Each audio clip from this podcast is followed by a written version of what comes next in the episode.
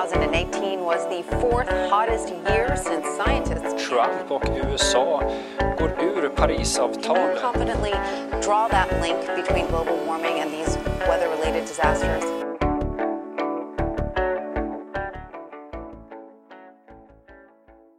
Välkommen till ett nytt avsnitt av Planet och politik med mig, Lorentz Tovatt.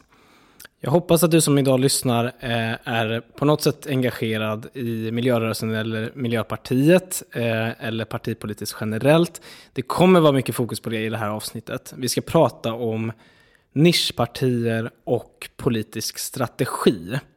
Så eh, mycket fokus där, så hoppas att du kan relatera till det på något sätt. Med mig har jag Simon Kjellman som eh, skriver en vetenskaplig artikel på just det här temat. Eh, så han vet vad han pratar om helt enkelt. Eh, vi kör igång.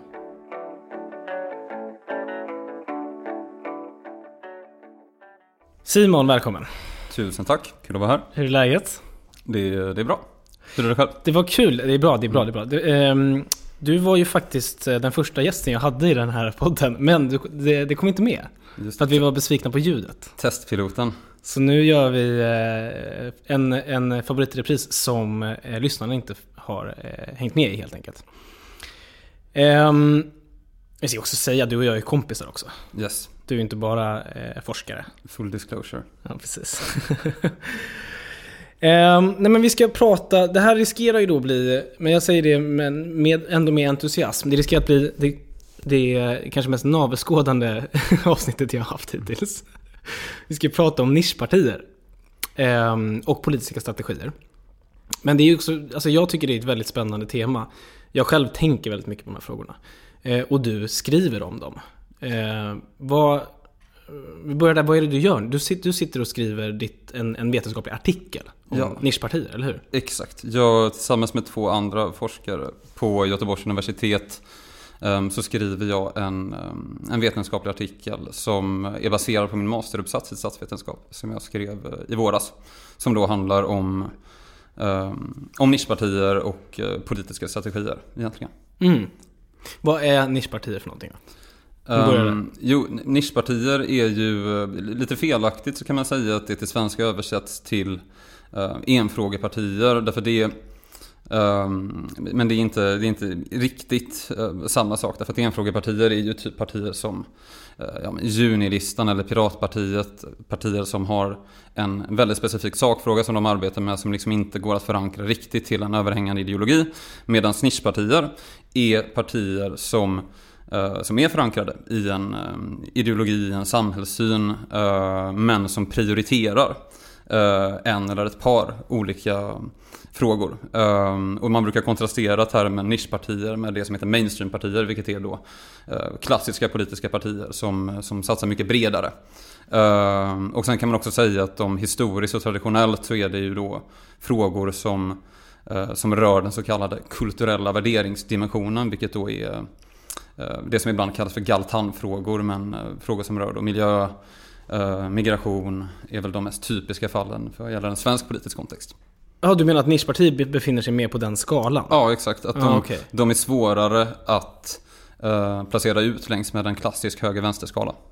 Men och då, eh, några exempel då. Miljöpartiet är ju ett exempel då på nischparti. Eh, Feministiskt initiativ också va? Kan man säga.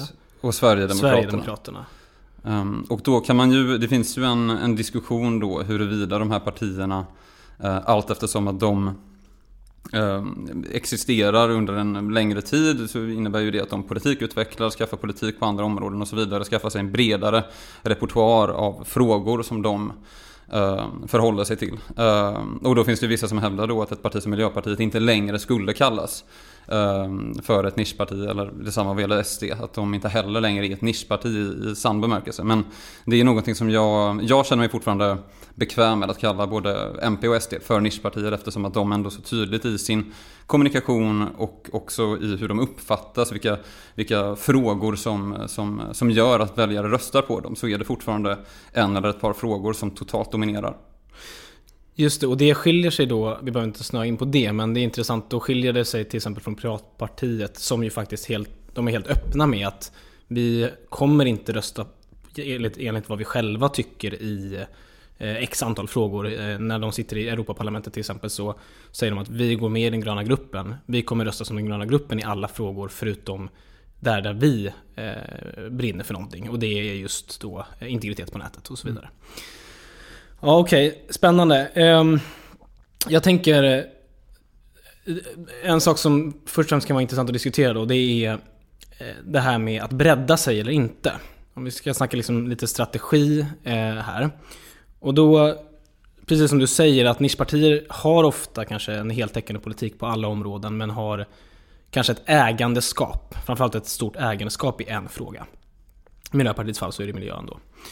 Eh, och så har det ju då i vårt parti, men naturligtvis också inom Sverigedemokraterna och inom Feministiskt initiativ och sådär, så finns det ju en levande debatt hela tiden om hur fokuserad man ska vara på den frågan versus andra frågor.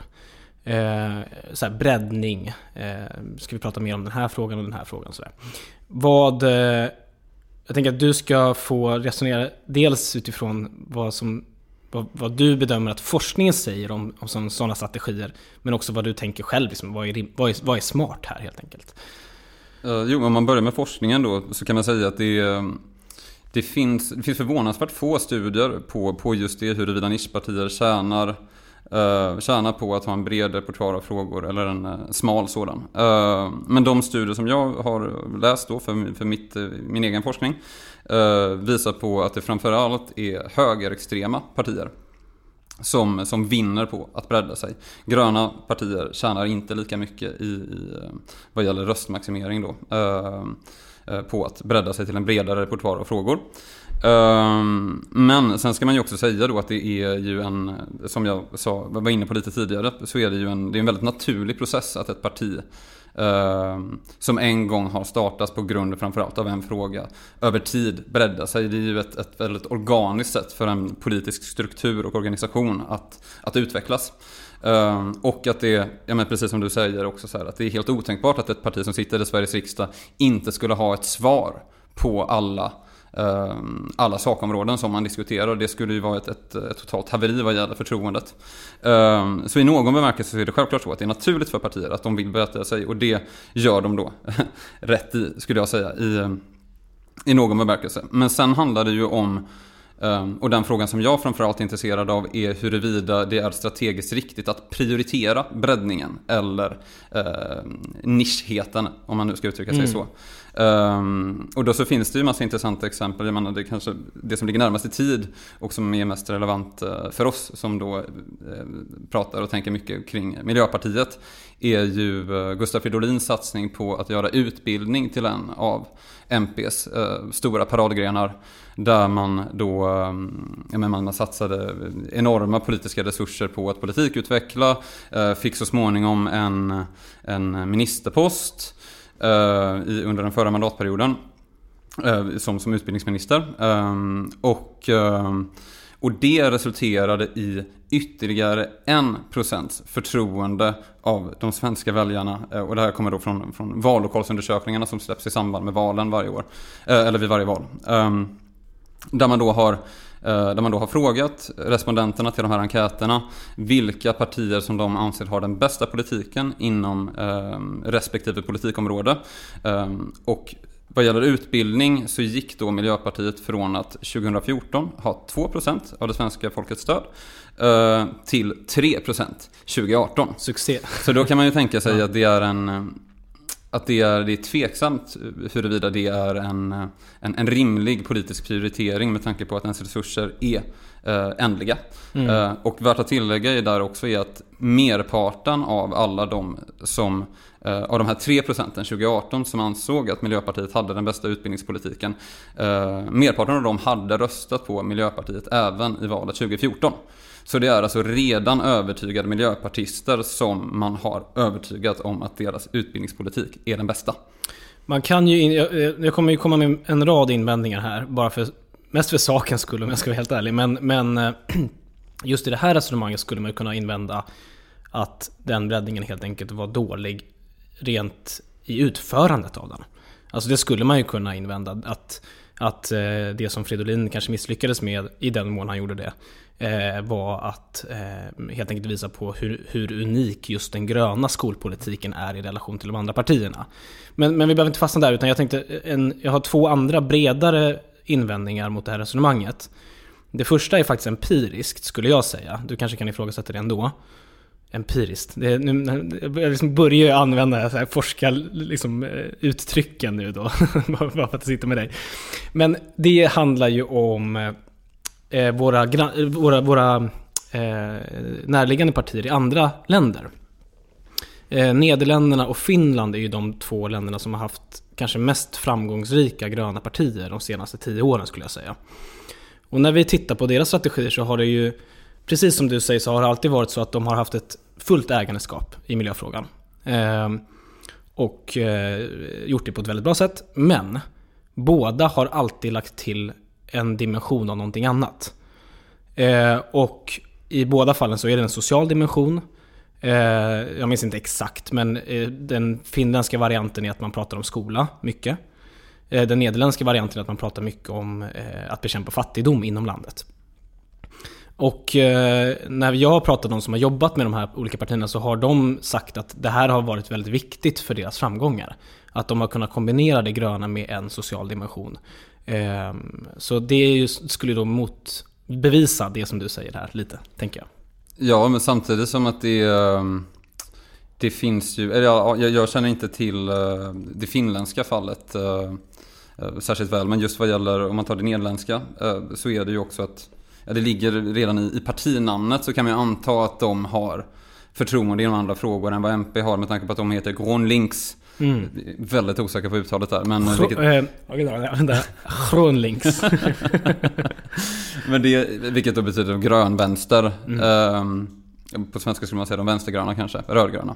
Um, och, och då är det, så, så, det skulle jag säga är, i alla fall vad gäller det nederländska fallet, så, så börjar man ju på en helt annan position. Och jag menar, jag känner inte egentligen till den nederländska partirymden i övrigt, men jag vet ju att de har absurt många partier, så det finns säkert renodlade vänsterpartier. Men eh, jag tror att det, det, är rimligt att anta att de inte har, eh, precis som, som MP och många andra gröna partier, gjort en poäng av att vara Uh, varken höger, vänster utan framåt mm. som man ju mm. känt som.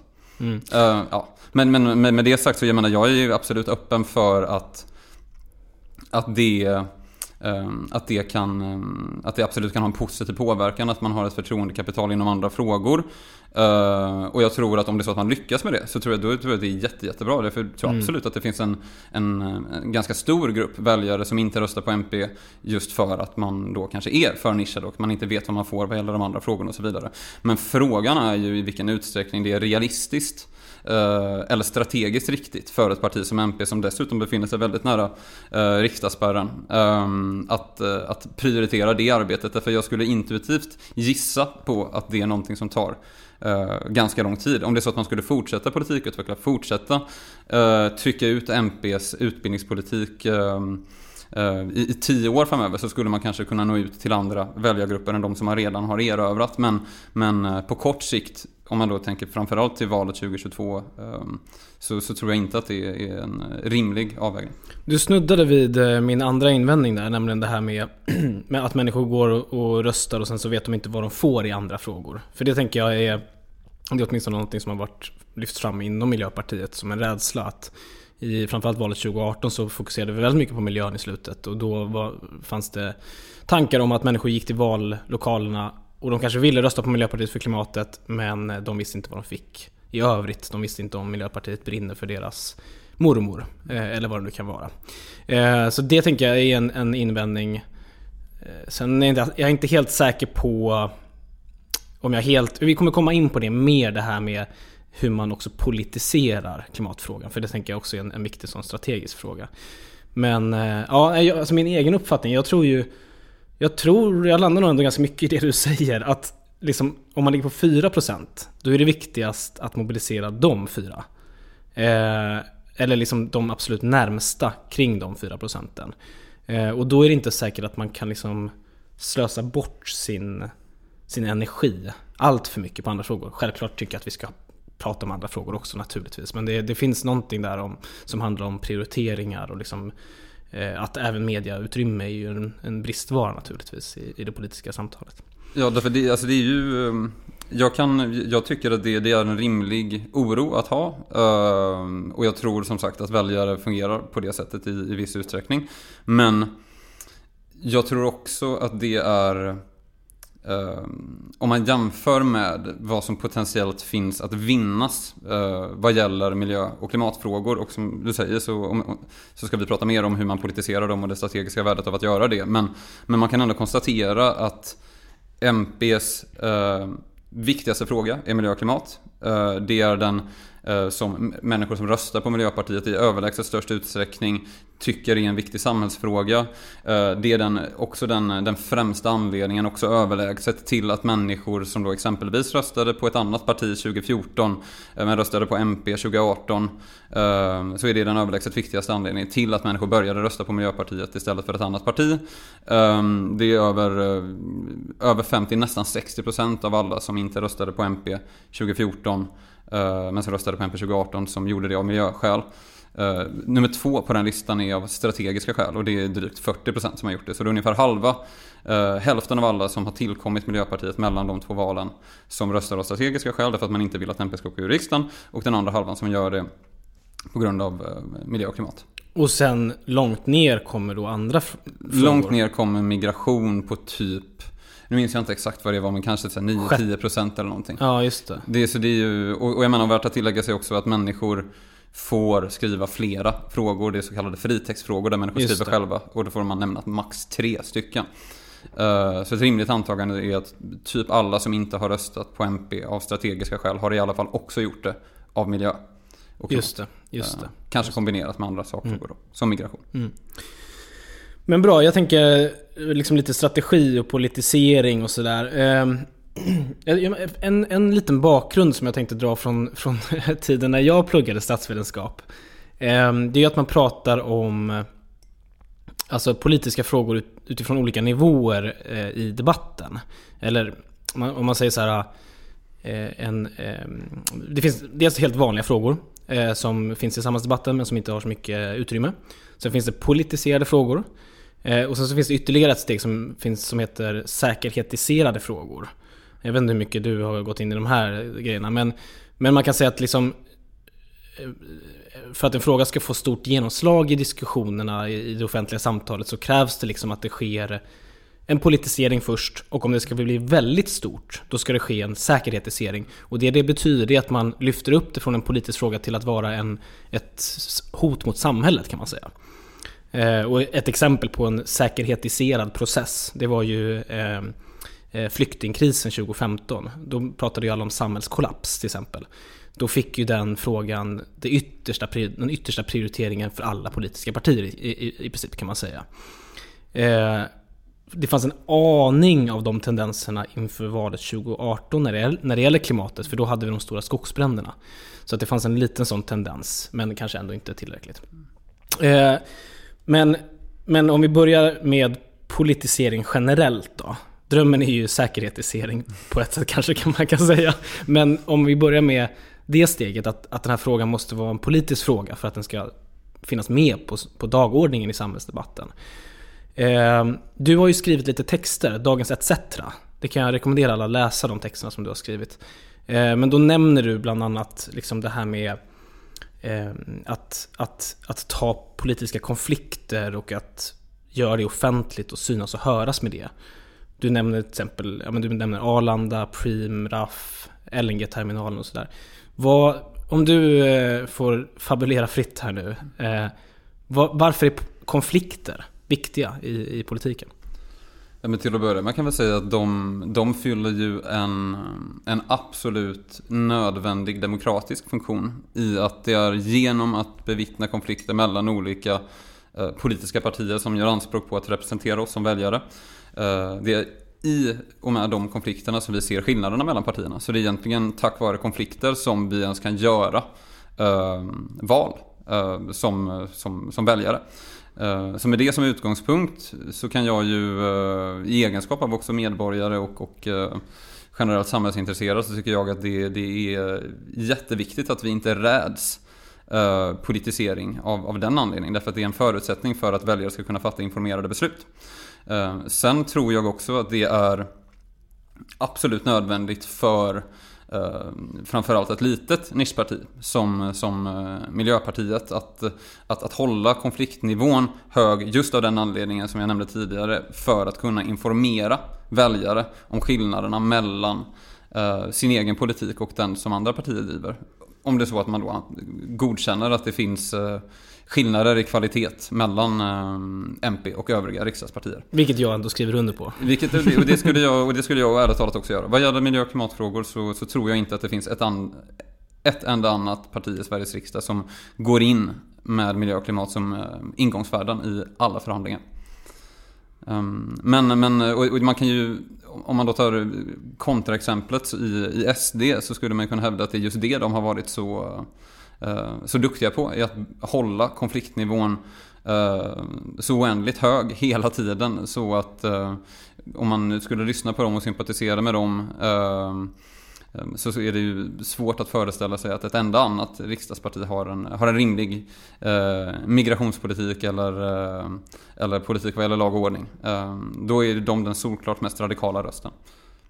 Jag tänker att eh, det finns ju, om man ska vara nästan lite cynisk, så, så handlar ju en del av detta om eh, liksom, vad ska människor ha top of mind?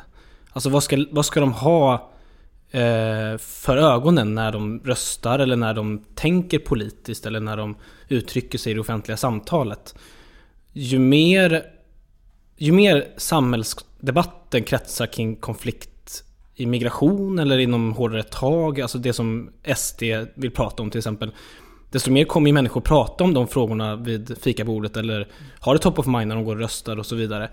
Och det är ju någonstans lite där man vill hamna med, med miljöfrågan. Att den ska inte bara vara en fråga som... Alltså, många pratar ju om forskningen till exempel. Att, att det är jätteviktigt att forskarna får komma till tals. Och det, det får de ju. Det är ju väldigt ofta det står i, i tidningarna om forskarrapporter om klimatet. Men att, att bara låta det stanna där, det gör ju att människor känner ett driv kring klimatet. De känner, att, de känner sig oroliga. Det har ju du massa exempel på när det gäller statistik om, om olika opinionsundersökningar. Människor är oroliga, de tänker på det mycket. Men att ta steget därifrån till att göra det till en politisk fråga eh, där man också går och röstar utifrån klimatet. Det är ju ett, det är ett nytt steg. Eh, och då, för, för, att ta den bryggan, liksom, att gå från att vara orolig till att gå och rösta på det. Så krävs det ju att man också känner att den röst man lägger innebär en större alternativnytta än om jag hade lagt det på ett annat parti. Och det är ju någonstans där också konflikterna kommer in då. Um, jag vet inte. Blir... Jo, jo, men det där är en väldigt spännande poäng och också om det är så att man tittar eh, konkret på, på svensk miljö och klimatpolitik um, så, så, finns ju, så finns det en infrastruktur som egentligen kommunicerar till väljare och, och journalister och andra som bevakar svensk politik att eh, svensk miljö och klimatpolitik är ett tåg som alla sitter och är med på. Uh, därför att vi har det eh, då som, som heter det klimatpolitiska ramverket som är den absolut största byggstenen i Sveriges klimatsatsningar. Um, som, som då stöds av eh, sju av åtta uh, riksdagspartier, alla utom SD. Eh, och, eh, och, och, berättelserna kring eh, eller berättelsen kring det klimatpolitiska ramverket är ju mycket en, Eh, en som är en, en, en enad satsning där alla kraftsamlade, insåg att vi har alla gemensamma intressen. Eh, även om det är så att vi tycker annorlunda i andra frågor så, har vi, så står vi tillsammans här. Eh, samtidigt som att det, jag menar, det är ju en, en policy som Miljöpartiet har lobbat och arbetat för i, i många, många år innan, innan ens Vänsterpartiet som var den andra, det andra partiet på bollen kom, kom, kom med och började driva frågan om att ha en klimatlag och ett större ramverk eh, och sådär. Och det, eh, och det är ju någonstans, det är någonting som jag skriver om i den artikeln du refererar till. Att, eh, att om det är så att vi som väljare inte uppfattar konfliktytorna mellan partier. Vilket de facto är det som händer om det är så att man bakom stängda dörrar förhandlar fram en stor block och partiöverskridande policy som det klimatpolitiska ramverket. Då försvinner mervärdet av att ha ett miljö och klimatparti som, som MP. Uh, och med den då liksom ironiska twisten av att vi hade inte haft den här policyn utan MP. Nej, just det. Uh, jag tänker att det här, det du pratar om nu, det uh, för oss in på egentligen det som är en jättestort allmänt dilemma för politiker. Och det är att det finns ju en motsättning mellan att få ut maximal policy, alltså liksom så stor utväxling som möjligt för eh, minskning av utsläpp egentligen kan man säga. Eh, det kan ibland stå emot då, alltså det vill säga blocköverskridande, eh, seriösa, framförhandlade eh, lösningar som alla står bakom. Vi pratar inte mer om det och så vidare. Det står ju emot att ha eh, frågan på dagordningen. För att ju mer man liksom kommer överens, det är kumbaya, alla är vänner, desto mindre kommer det debatteras. Liksom. Och det finns ju några sådana, historiskt sett så har ju till exempel försvarsberedningen varit sån. Att försvarsfrågorna har inte varit uppe på dagordningen. Under Reinfeldts alla år så var det ju knäpptyst om försvarsfrågan. Eh, och det var ju för att man hade en bred liksom, enighet. Eh, eh, eh pensionsfrågan har också liksom gått igenom den typen av processer. Försvarsfrågan är ju mer politiserad nu dock, men, men, men det har ändå varit så eh, över, över åren. Eh, och det där är liksom ett dilemma. Vad är det man väljer där? Sen menar ju jag att även om vi alltid ska försöka sträva efter den här blocköverskridande enigheten och liksom långsiktigheten så kommer vi aldrig komma någon vart om vi inte också har en, en debatt i samhället. Eh, jag tror att mycket av de här, ja, men till exempel blocköverskridande frågorna, det, inget av det har ju reglerat Preem. Inget av det har reglerat Arlanda. Inget av det har reglerat eh, LNG-terminalen. Så där har det bara varit positivt att Miljöpartiet har sagt ifrån och tagit fighten, liksom, tänker jag. Ja, men det är ett dilemma ändå i någon mån. Jo men verkligen och att man eh, kan ju säga att, att var sak har, har sin tid. Det är ju lite som man resonerar som ett litet parti i förhållande till att gå in i regeringssamarbete eller inte. Att man att, att poängen med att vara i opposition är ju att man kan växa från sin position i opposition och, uh, och då komma tillbaka starkare in i ett regeringssamarbete och då få mer att säga till om. Mm. Uh, lite så är det ju här också att man måste Eh, man måste akta sig så att man inte hamnar på fel sida och spärra. Mm. Därför då, då är det ju ingen som kommer driva de här policyförändringarna som sen människor kan liksom potentiellt vattna ur och sen enas bakom. Mm. Som med det klimatpolitiska ramverket. Och jag menar det, ju, det räcker ju att bara ställa sig frågan vad som kommer hända med ehm, eller så här, det är inte bara för att vi har ett klimatmål som också en, liksom, en, en, en konservativ regering med ehm, M och KD och potentiellt med stöd från SD. Eh, det är inte så att de, bara för att två av tre partier i den samarbetskoalitionen har skrivit under eh, ett klimatmål så är det inte så att de kommer hedra det på grund av det. Eh, det, det, ju, det, finns ingenting som talar för att deras klimatpolitik skulle gå tillräckligt långt. Eh, men de, de är lite mer benägna att följa det än om det inte hade funnits något mål alls, förstås. Absolut. det är ändå, ja, är, absolut, men det är en policybedrift uh, som är värd att hylla. Utan Jag tänker på det här, nu har vi pratat lite om det här med blocköverskridande och samsyn och sådär. Någonting som lite jackar in i det, det är en sak som jag har haft väldigt mycket problem med när det gäller miljörörelsen. Och det här har du skrivit lite om. Nu blir det lite att vi hackar på miljörörelsen här, men jag tänker att vi gör det med väldigt stor kärlek. Vi älskar miljörörelsen innerligt. Men det har funnits till och från en tendens att just krumpa ihop alla partier och säga att alla är lika dåliga, eller alla är lika bra. Vissa i miljörörelsen säger att men, det är så fantastiskt, vi har den här breda överenskommelsen, alla är med på det, hyll till alla eh, demokratiska partier i riksdagen. Och så finns det de delar av miljörörelsen som inte är nöjda med att liksom, det inte går tillräckligt snabbt. Och de säger att ja, men vi, eh, hela politiken, politiken måste göra bättre. Politiken eh, är, är helt enkelt för slö. Eh, och det är ingen stor skillnad mellan dem, utan alla är lika dåliga. Eh, och det finns några så här, eh, helt uppenbara problem med detta. Eh, det första är att det liksom inte är sant i sak. Alltså om man jämför vår budget med Moderaternas budget till exempel så är det liksom uppenbart att men de vill slänga bort x antal tiotals miljarder på subventioner till fossil energi och så vidare. Ehm, och eh, bort massa miljösatsningar. Kapar bistånd med 16 miljarder. Liksom, klimatbistånd är long gone. Liksom. Men liksom, så det är ju så helt uppenbara jättestora skillnader. Om Moderaterna hade fått bestämma så hade de fortsatt driva på Sveriges sista kolkraftverk. Punkt slut. Så enkelt är det. Liksom. Ehm, men sen så finns det den här andra problematiken som är mer det som du var inne på i början. Nämligen, det finns en demokratiskt problem här. Ehm, och den är egentligen dubbel. Det första är att den slätar över skillnader som, som människor behöver se för att kunna göra ett informerat val. Det andra är att den riskerar att ingjuta en ung generation i klimathopplöshet eller liksom en, en, en fullständig eh, eh liksom bedrövelse över politikens möjligheter. Att man helt enkelt inte tror att, att politiken någonsin kan spela någon roll. Eftersom alla är lika dåliga eller, eller lika bra. Och det där är, jag, det är väldigt eh, svårt att hantera den retoriken. Jag ska bara ta ett sista exempel. Sen ska du få komma in här. Eh, det är...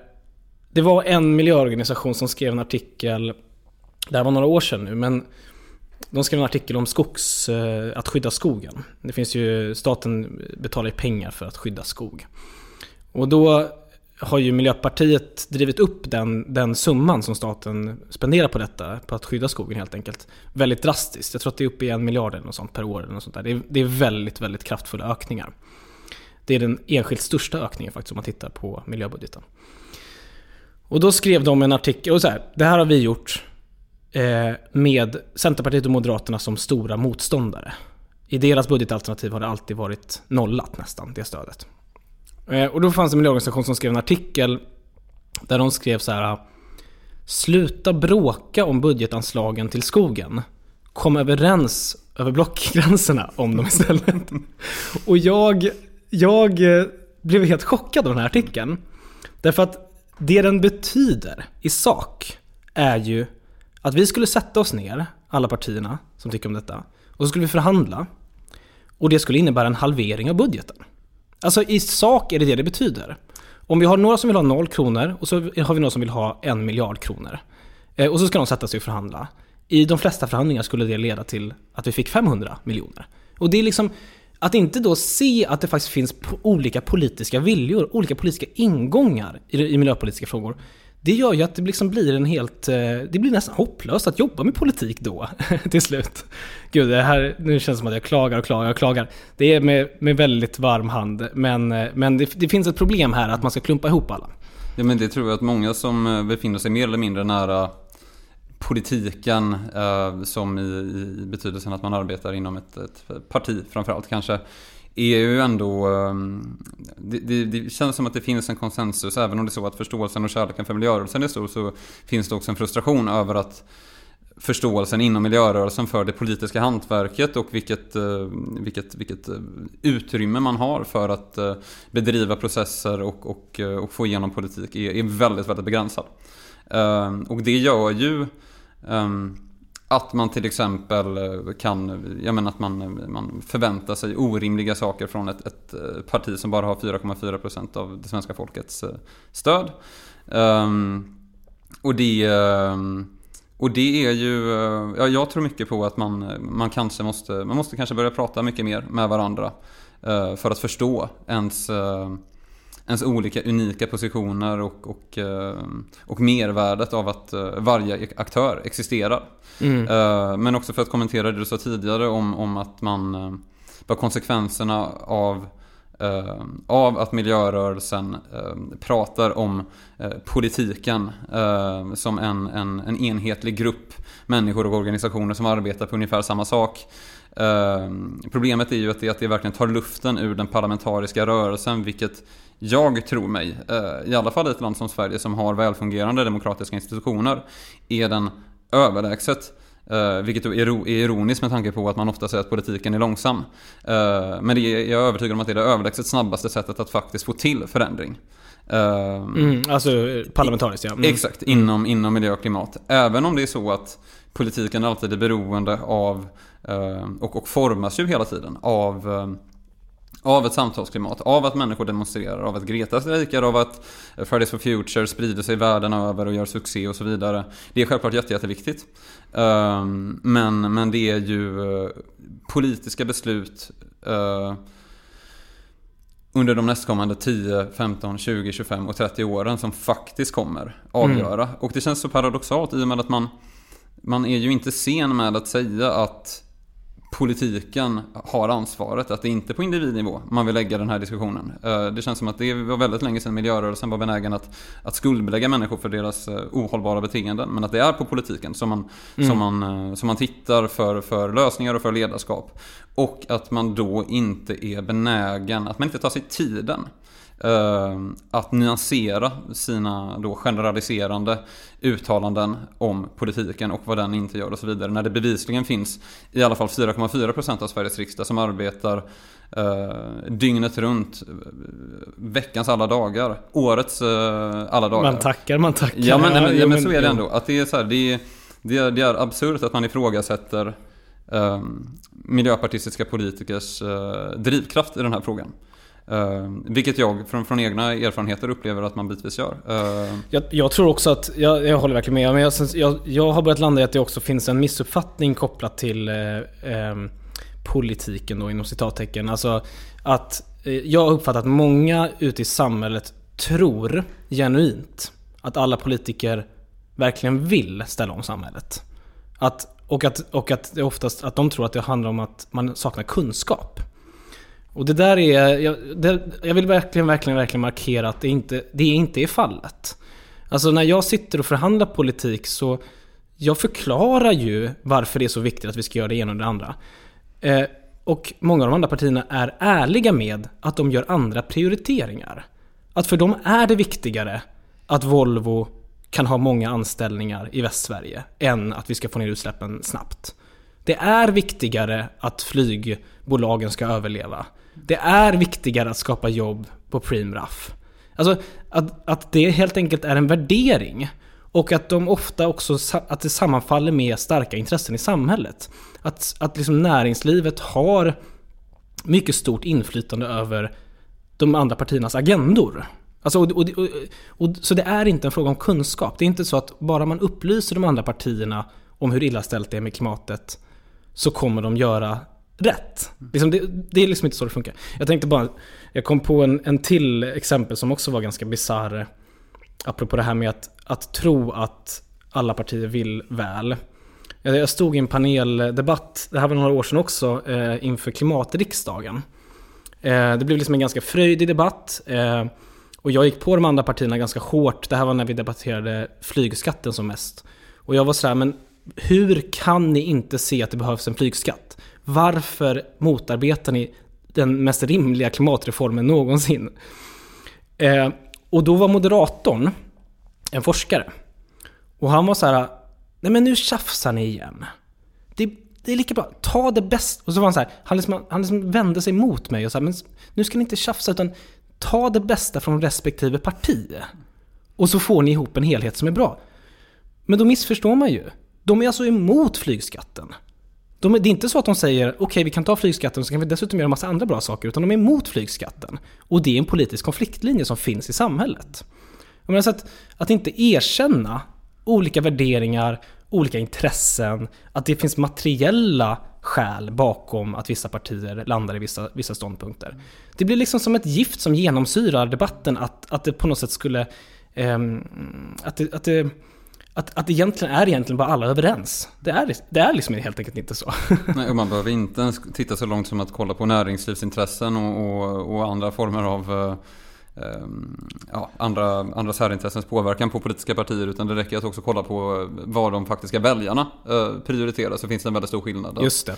Att, eh, och jag har en, i alla fall personlig övertygelse som jag ändå tror mig kunna Ehm, um, landa i också liksom, teoretiskt baserat på forskning och sådär. Men att, att uh, framförallt små partier generellt ehm, uh, positionera sig i förhållande till uh, sina väljares uh, intressen och positioner på olika sakfrågor. Så det faktum att miljöpartistiska väljare är de enda som faktiskt prioriterar miljö och klimatfrågor allra högst uh, antyder att Miljöpartiet också kommer göra det i förhandlingar. Om det är så att man tittar på Vänsterpartiet eller, eller för den delen Centern som ju också rubricerar sig som ett grönt parti så är det absolut inte fallet. Nej, för deras väljare prioriterar inte lika högt, eller hur? Exakt, alltså för vänstern så är det, eller bland vänsterpartistiska väljare så är miljö och klimat den, den sjätte viktigaste frågan. Mm. Ehm, och Centern, då är det typ den andra eller tredje kanske. Men, eh, men efter då så här näringslivet, eh, ekonomi. eh. Ja, och det, och det eh, jag som då har suttit med och förhandlat kan väl ändå intyga en del av det där. Alltså det, det har ju inte varit så, även när Vänsterpartiet liksom själva har kommunicerat vad de fick igenom i förhandlingarna förra mandatperioden så har det varit ganska uppenbart att klimatet inte har varit prioriterat för dem. Eh, det kanske till och med har varit aktivt nedprioriterat om jag ska vara helt ärlig. Eh, så det, eh, ja, det, det, det, det, kan man säga mycket om. Vi måste börja runda av men, mm. men eh, jag tänker bara en sista fundering är att det känns som att de har lyckats ganska bra i Tyskland. Har du någon spaning kring det där? Alltså Miljöpartiet och relationen till miljörörelsen och liksom Det går ju väldigt bra där. Mm. Ja men det, det där är ju någonting som jag, jag, har, jag har tänkt på mycket och har inte, inte ingen, ingen empiri egentligen. Men, men en ganska intressant observation är ju att deras eh, motsvarigheten till Greta Thunberg i, i Tyskland, Luisa Neubauer, eh, som då har ett, ett, eh, ett medialt genomslag som verkligen går att jämföra med Greta Thunberg. Hon är en, en eh, en rikskändis för att eh, kanske även i vissa fall säga liksom en, eh, en världsstjärna. Um, och hon är stolt medlem i, i både det gröna ungdomsförbundet och moderpartiet i Grunen. Um, vilket då, det, det är ju om man följer Greta på Twitter uh, eller följer hennes kommunikation överlag um, så, så har man ju, hon, hon tar ju inte i partipolitiken med, uh, ens med, med en pincett liksom. Och, och det... Eh, och det intressanta med det också bara eh, skjuta in här, att det är att detta sker i Tyskland trots att Die Grünen är nog sannolikt betydligt mindre radikala än vad Miljöpartiet i, Stock i Sverige är. Alltså att det finns en, eh, även om de, om man tänker sig att Greta-generationen vill ha radikal klimatpolitik, så i Tyskland har de ändå landat i att de ska stötta Die Grünen, trots att de då inte alls är lika radikala som Miljöpartiet i Sverige. Det är intressant hur det kan ske. Liksom. Ja, och samtidigt för att då spä på den dynamiken så har de ju också en miljörörelse som eh, så många gånger är, är, är, mer radikal än den svenska miljörörelsen. I alla fall eh, bilden från ett läktarperspektiv är att de, eh, de, de verkar väldigt orädda. Mm. Och, men så de, de, de, de erkänner väl det strategiska värdet i att ha en representant i de parlamentariska i det parlamentariska arbetet. Eh, mm. Vilket ju miljörörelsen hittills verkar ha misslyckats med. Mm. Och vems fel det är, det låter jag vara osagt. Eh, Just det. för, för det kan mycket väl vara så att Miljöpartiet borde ta ett större ansvar att, att, att socialisera sig själv som en del av miljörörelsen. Mm. Ja men det tror jag verkligen. Och det låter verkligen som att jag bara sitter och klagar här men, men miljörörelsen är ju fantastisk på på tusen olika sätt. Och jag också bara en disclaimer att jag skulle ju aldrig tycka att det är rimligt att miljörörelsen på något sätt ska vara någon form av eh, liksom eh, lydig eh, hund som alltid ska ställa upp på vad Miljöpartiet säger. Det är inte det det handlar om, utan det som jag tror att, eller det som vårt samtal handlar mycket om här, det är att erkänna de enorma skillnaderna inom politiken. Och säga att det, är jätte, det beror jättemycket, alltså utfallet för klimatet blir helt annat om du röstar på Moderaterna eh, Vänsterpartiet, Miljöpartiet eller Centerpartiet. Du får olika utfall helt enkelt. Och, det, och den, att, att inte invagga väljarna i den falska bilden att det inte spelar någon roll vad man röstar på. Det är farligt, tänker jag. Absolut, och det här är ju någonting som eh, om man då ska liksom göra någon, en, en, en spaning som vad gäller partistrategi för, för MPs del som nischparti så är ju ett sätt som jag är övertygad om att man kan vinna tillbaka miljörörelsen om det är nu så att eh, det är det vi, vi pratar om. Uh, är ju just att, att kanske ja, men just att polarisera frågan ytterligare. Att visa på konfliktlinjerna och att, och att göra, göra det tydligt vad mervärdet av ett, eh, av ett grönt parti i Sveriges riksdag och regering nu då är. Eh, och jag, min, min bild är ju att man ändå har lyckats bättre med det under den här mandatperioden än under den förra. Då, jag menar nu har vi ju bara det, det dryga senaste året haft tre gigantiska vinster. Eh, LNG-terminalen i Göteborg, Arlanda och, eh, och Preemraff nu senast. Uh, och det hade ju inte gått utan aktivism. Uh, men det hade heller inte gått utan ett, ett, ett miljöparti i regering. Då hade det inte ens räckt med att MP satt i, i riksdagen. Utan det är absolut avgörande att MP satt i, i regering. Det tar vi med oss. Tack för att du kom till podden. Tusen tack. Tack för att du har lyssnat idag. Det här har varit Planet och politik med mig, Lorentz Tovatt. I vanlig ordning kan ni höra av er eh, på sociala medier till mig. Eh, på till exempel Twitter eller Instagram eller liknande. Tack till Christian Hanner som hjälper mig med ljud, klippning och vignett. Eh, och vi hörs igen om en vecka.